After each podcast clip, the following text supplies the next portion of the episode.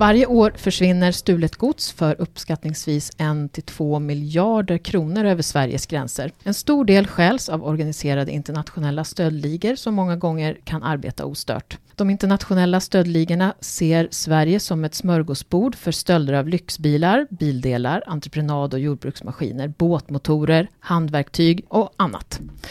Den absolut vanligaste kommentaren på vår Facebook-sida Stöldtipset är något i stil med Varför gör tullen ingenting? Eller Är det svängdörrar för stöldgods över svenska gränsen? Vad är tullens uppdrag och hur jobbar de med just gränsöverskridande brottslighet? Kan man göra något för att stoppa stöldgodset vid gränsen? Vi har bjudit in Jonas Karlsson, sakkunnig från tullen, för att prata om tullens arbete. Och med oss finns också Per Nordström som är utredare på Larmtjänst. Välkommen Jonas! Berätta lite, vad jobbar du med på tullen? Mm, tack. Eh, jag jobbar som sakkunnig på eh, Tullverkets huvudkontor och då med inriktning på brottsbekämpning. Och Per, vad gör du på Larmtjänst mer exakt? Jag är då biträdande chef på Larmtjänst och eh, arbetar framförallt med eh, hemtagning av stöldgods från utlandet, utredningar i utlandet och eh, även vårt internationella nätverk. Vad gör då egentligen tullen? Vad är tullens uppdrag Jonas? Tullverket har ju uppdrag enligt regleringsbrevet som vi får varje år från regering och riksdag och eh, det innebär egentligen två huvudsaker. Dels ska vi ta in uppbörd vid import från land utanför EU.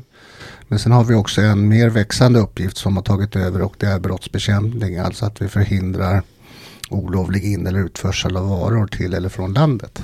Vi har ju tidigare pratat i den här podden om gränsöverskridande brottslighet med polisen och då pratade vi om de internationella ligorna som fokuserade på länder och brottstyper med låg upptäcktsrisk och relativt kort brottspåföljder. Hur arbetar de internationella stöldligorna egentligen, Per? Ja, vår uppfattning är ju att det är väldigt organiserat. De här stöldligorna, de eh, gör självklart då en räkning var man ska då kunna stjäla det här godset, var det finns. Sedan har man då gärningsmän som utför själva stölderna. Eh, dessutom har man även något som man kallar för ankarplatser. Och en ankarplats kan till exempel vara en plats där man gömmer stöldgods för att då avvakta till en transport kommer och hämtar det. Men en ankarplats kan också vara till exempel en lägenhet, övernattningslägenhet. Eh, sen har man då kurirer som tar hand om godset och för det ut ur landet. Och vår uppfattning är att man då för ut eh, godset väldigt snabbt, framförallt när det gäller då fordon som man då kanske då kör ut eller att man lastar på någon form av transport. Och eh, stjäler man bilen på natten så är bilen ute ur landet eh, redan på morgonen. Och då använder man eh, antingen då färjorna eller Öresundsbron. Och hur påverkar det här försäkringsbolagen egentligen? Ja, det mesta av stulet gods är försäkrat och varje år betalar skadeförsäkringsbolagen ut ungefär 3 miljarder kronor i ersättning för stölder och inbrott. Och eh, vår uppskattning är att hälften av det här eh, stöldgodset förs utomlands av de internationella stöldligorna. Och hur ser tullen på den här typen av brottslighet eller hur jobbar ni kring det? Ja, nu är det ju så att rent juridiskt sett så har ju Tullverket inga befogenheter att ingripa vid misstänkt stöldgods, eh, utförsel av stöldgods. Eh, eh, för att det är ju ett brottsbalksbrott som det själva stöldgodset eller tillgreppet då är. Men när de väl kommer till gränsen så är ju inte brottet stöld tillgreppsbrott längre utan då är det ju ett häleribrott. Och vi har inga befogenheter att agera på stöldgods tack vare att det inte finns några restriktioner på utförsel. Så då är det specifikt uttalat att man liksom inte jobbar på det sättet, men det är för att det inte finns ert uppdrag mer? finns inte i vårt uppdrag, vi har inga befogenheter, vi kan inte frihetsberöva, vi kan inte beslagta, utan eh, det, så, så är läget som det ser ut idag. Och är det någon speciell lag kring just smuggelgods? Ja, det finns eh, lagen om straff för smuggling som reglerar påföljder för eh, antingen om det är ett så kallat smugglingsbrott, alltså ett restriktions eller förbudsbrott eller ett tullbrott, alltså ett eh, brott där man undandrar avgifter för samhället. Och hur kan man få ihop det här? Hur skulle tullen kunna liksom bidra med att stoppa det här stöldgodset? Som vi gör idag så är det ju så att om vi misstänker att det är stöldgods som är på väg ut när vi utför utförselkontroller så eh, kontaktar vi polisen och förhoppningsvis så hinner de komma till platsen. Eh, en lösning som vi har tittat på här det är att man reglerar det här antingen i brottsbalken då i det kapitlet om tillgreppsbrott alternativt man gör en, en ny förordning som talar om att det är förbjudet att föra ut stöldgods. Då blir det en automatisk koppling till smugglingslagen och vi får befogenheter. Låter ju som bra. Det blir lite nya verktyg då att jobba med som en ny. Problemet kanske. är ju det att vi har ju begränsade resurser. Och våra, vårat uppdrag är ju egentligen i första hand införsel, olovlig införsel. Utförsel är ett fåtal varugrupper som är reglerat för utförsel, typ kulturföremål och krigsmateriel till exempel. På vilket sätt samarbetar tullen med polisen? Du nämnde lite men... Mm. Ja, jag har ju kontinuerliga möten med, med polisen, både regionalt och, och lokalt. Eh, men då handlar det mest om eh, ärenden och sånt som eh, rör bägge myndigheterna. Sen är det ju så om vi påträffar eller misstänker eller får information om någon pågående utförsel eller någonting så meddelar vi alltid polisen sådana uppgifter. Och det som skäls och förs ut ur Sverige det är ju ganska brett. Det är entreprenadmaskiner, bilar, båtmotorer, reservdelar, gräsklippare. Vad har försäkringsbranschen för uppfattning om hur stöldgodset tas ut ur landet? När det gäller kanske då bilar eller fordon så eh, körs bilarna of, eh, väldigt ofta direkt ut. Eh, oftast då kanske då på natten. Men det förekommer även att man stoppar in bilar och entreprenadmaskiner på lastbilar med mera. Eller till och med containers använder man sig av. Och då är det ju självklart färjelägena, Öresundsbron som är då eh, en eh, utförselpassage eh, som är då viktig för de här kriminella. Men vi har även exempel på att man har kört över Aparanda in i Finland och sen vidare österut. Och eh, nu finns det även exempel på att det ligger att man skickar stöldgodset med postförsändelser. Jaha, det var nytt. Det är relativt nytt som vi har sett i alla fall. Men eh, förmodligen har polisen och tullen, framförallt tullen, arbetat med detta tidigare. Och alltså bara så att vi förstår här, hur har tullen då möjlighet att stoppa de här containers och det som är på väg ut ur landet? Vi har ju alltid rätt att uh, göra en så kallad tullkontroll uh, och det gör vi oavsett om uh, fordonet eller container eller vad det nu är på väg till ett annat EU-land eller ett tredje land som vi kallar, alltså ett land utanför EU. Eh, men vi får inte gå in att göra vår tullkontroll i syfte att leta efter stöldgods. Utan då gör vi tullkontrollen för att leta efter varor som inte fritt får utföras. Här har det hänt vid ett antal tillfällen att Polismyndigheten har kontaktat Tullverket och bett om hjälp att göra tullkontroll för man misstänker stöldgods. För skillnaden i lagstiftningen är ju sån att eh, Polismyndigheten behöver en husrannsakan. Vi behöver inte det i Tullverket utan vi har tullagstiftningen som stöd. Och då har vi assisterat poliser i den mån vi haft möjlighet med att gå in och öppna containern eller bilen och sen får de ta över ärendet. Så det är egentligen via något tips och samarbete? Precis. Vet man om de internationella stöldligorna är länkade till andra ligor som sysslar med andra typer av brott som narkotika, vapensmuggling, människohandel och så? Ja, alltså de här ligorna håller på med allsköns verksamhet så länge det finns pengar att tjäna. Så att eh, vi vet ju att eh, människosmuggling eller människohandel som egentligen är det värsta brottet eh, när det gäller eh, smuggling av människor.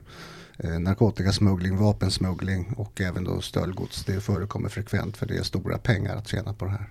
Har ni någon uppfattning om var, var godset försvinner?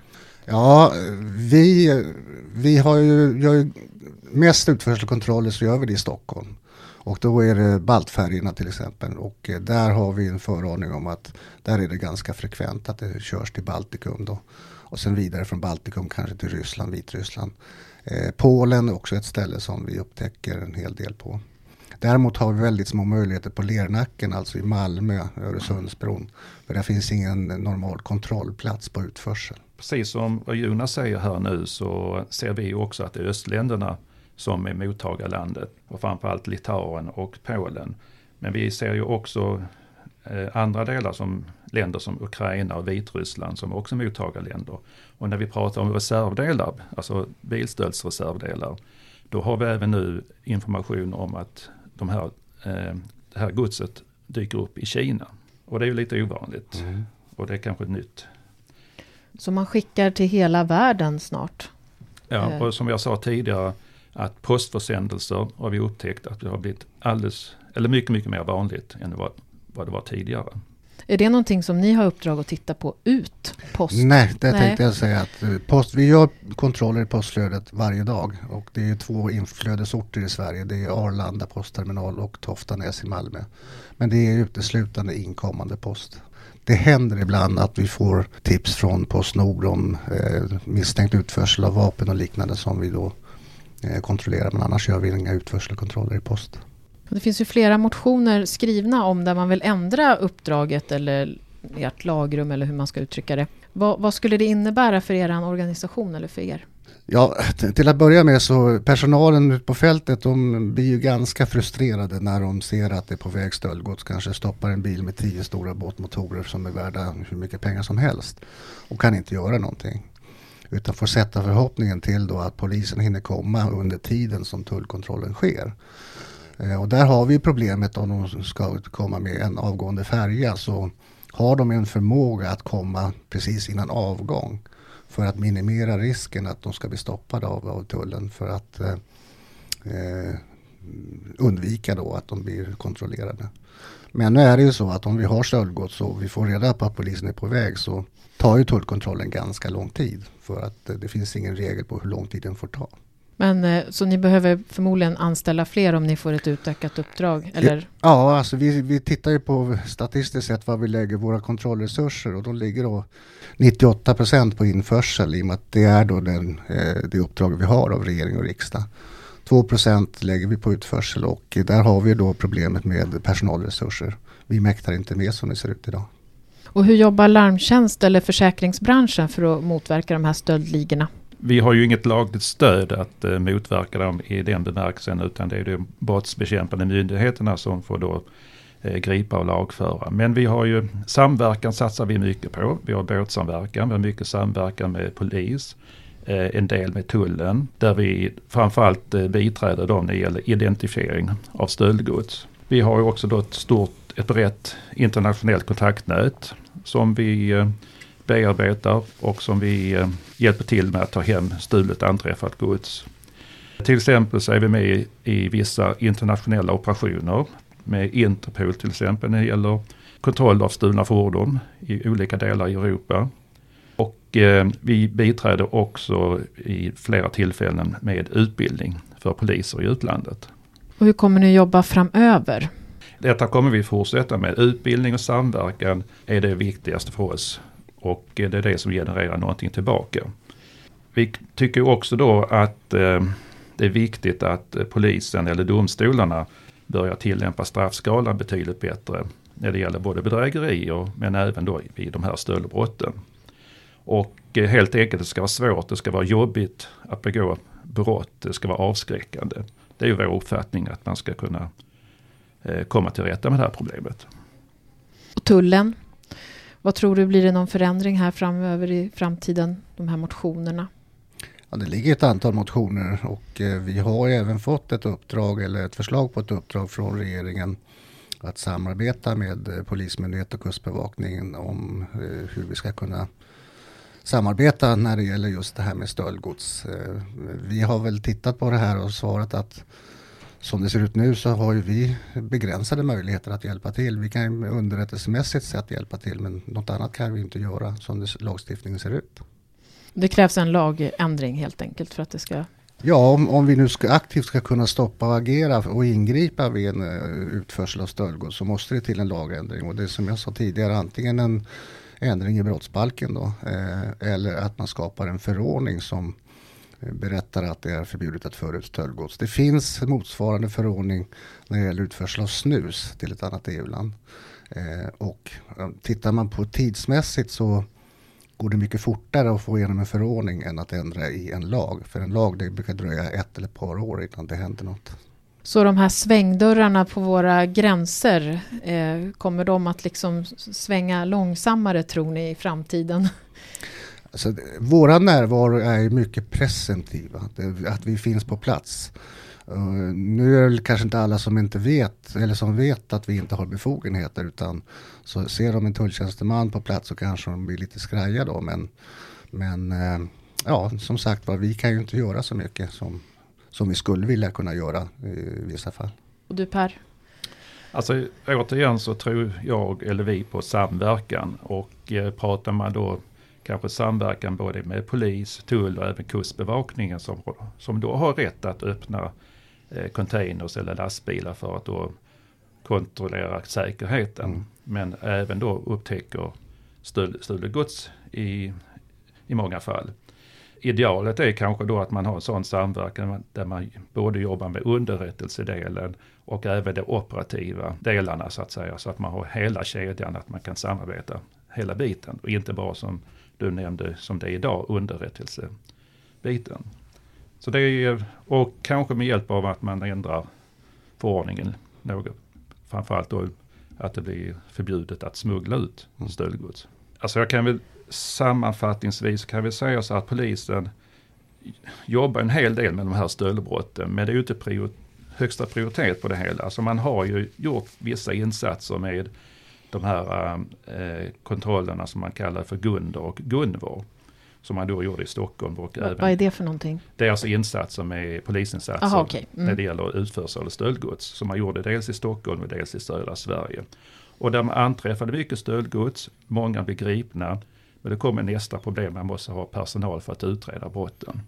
Så det, man måste ha uthållighet och klara av hela kedjan. Och sen så tror jag också, för tillfället i alla fall, är det mycket fokus på gängskjutningarna. Och det mm. tar ju självklart resurser ifrån vardagsbrottsligheten. Personalen på fältet är ju frustrerade att uh, se när, i synnerhet om de tar kontakt med polisen och sen får besked att de har ingen patrull att skicka. Och då, ja, då får de åka och sen så ser de när det går iväg 10-15 båtmotorer eller eh, lyxbilsrattar eller liknande. Och kan absolut ingenting göra åt saken och det är frustrerande för personalen. Vill Tullverket att man ska ändra förordningen till att man ska få jobba med stöldgods? Eh, Tullverket har sagt så här att uh, vi har fått frågan från Finansdepartementet att se över hur frekvent det har varit för att ha något underlag för att titta på det här. Och eftersom vi inte har befogenheter att ingripa så för vi heller ingen eh, registrering av de ärenden vi har. Så vi har inget underlag och då har vi sagt att då eh, låter vi bli att eh, ställa frågan till Finansdepartementet. Utan nu låter vi det andra sköta det och det är ju politikerna i riksdagen som, som driver på det här. Utan vad vi har sagt, vi har ju lämnat förslag på om det skulle vara så att man driver igenom det här så finns det två alternativ som vi har sagt och det är ju ändring antingen i brottsbalken eller skapa en ny förordning då, som gör att det automatiskt blir kopplat till smugglingsbrottet, smugglingslagen. Ni har lyssnat på Larmtjänstpodden, en podd från Larmtjänst, en branschorganisation för sakförsäkringsbolagen med syfte att bekämpa försäkringsrelaterad brottslighet. Dagens gäster var Per Nordström från Larmtjänst, Jonas Karlsson från Tullen och jag heter Ulrika Lo. Dela gärna podden i alla era sociala kanaler och följ oss i sociala medier. Tack för att ni lyssnade. Vi hörs igen.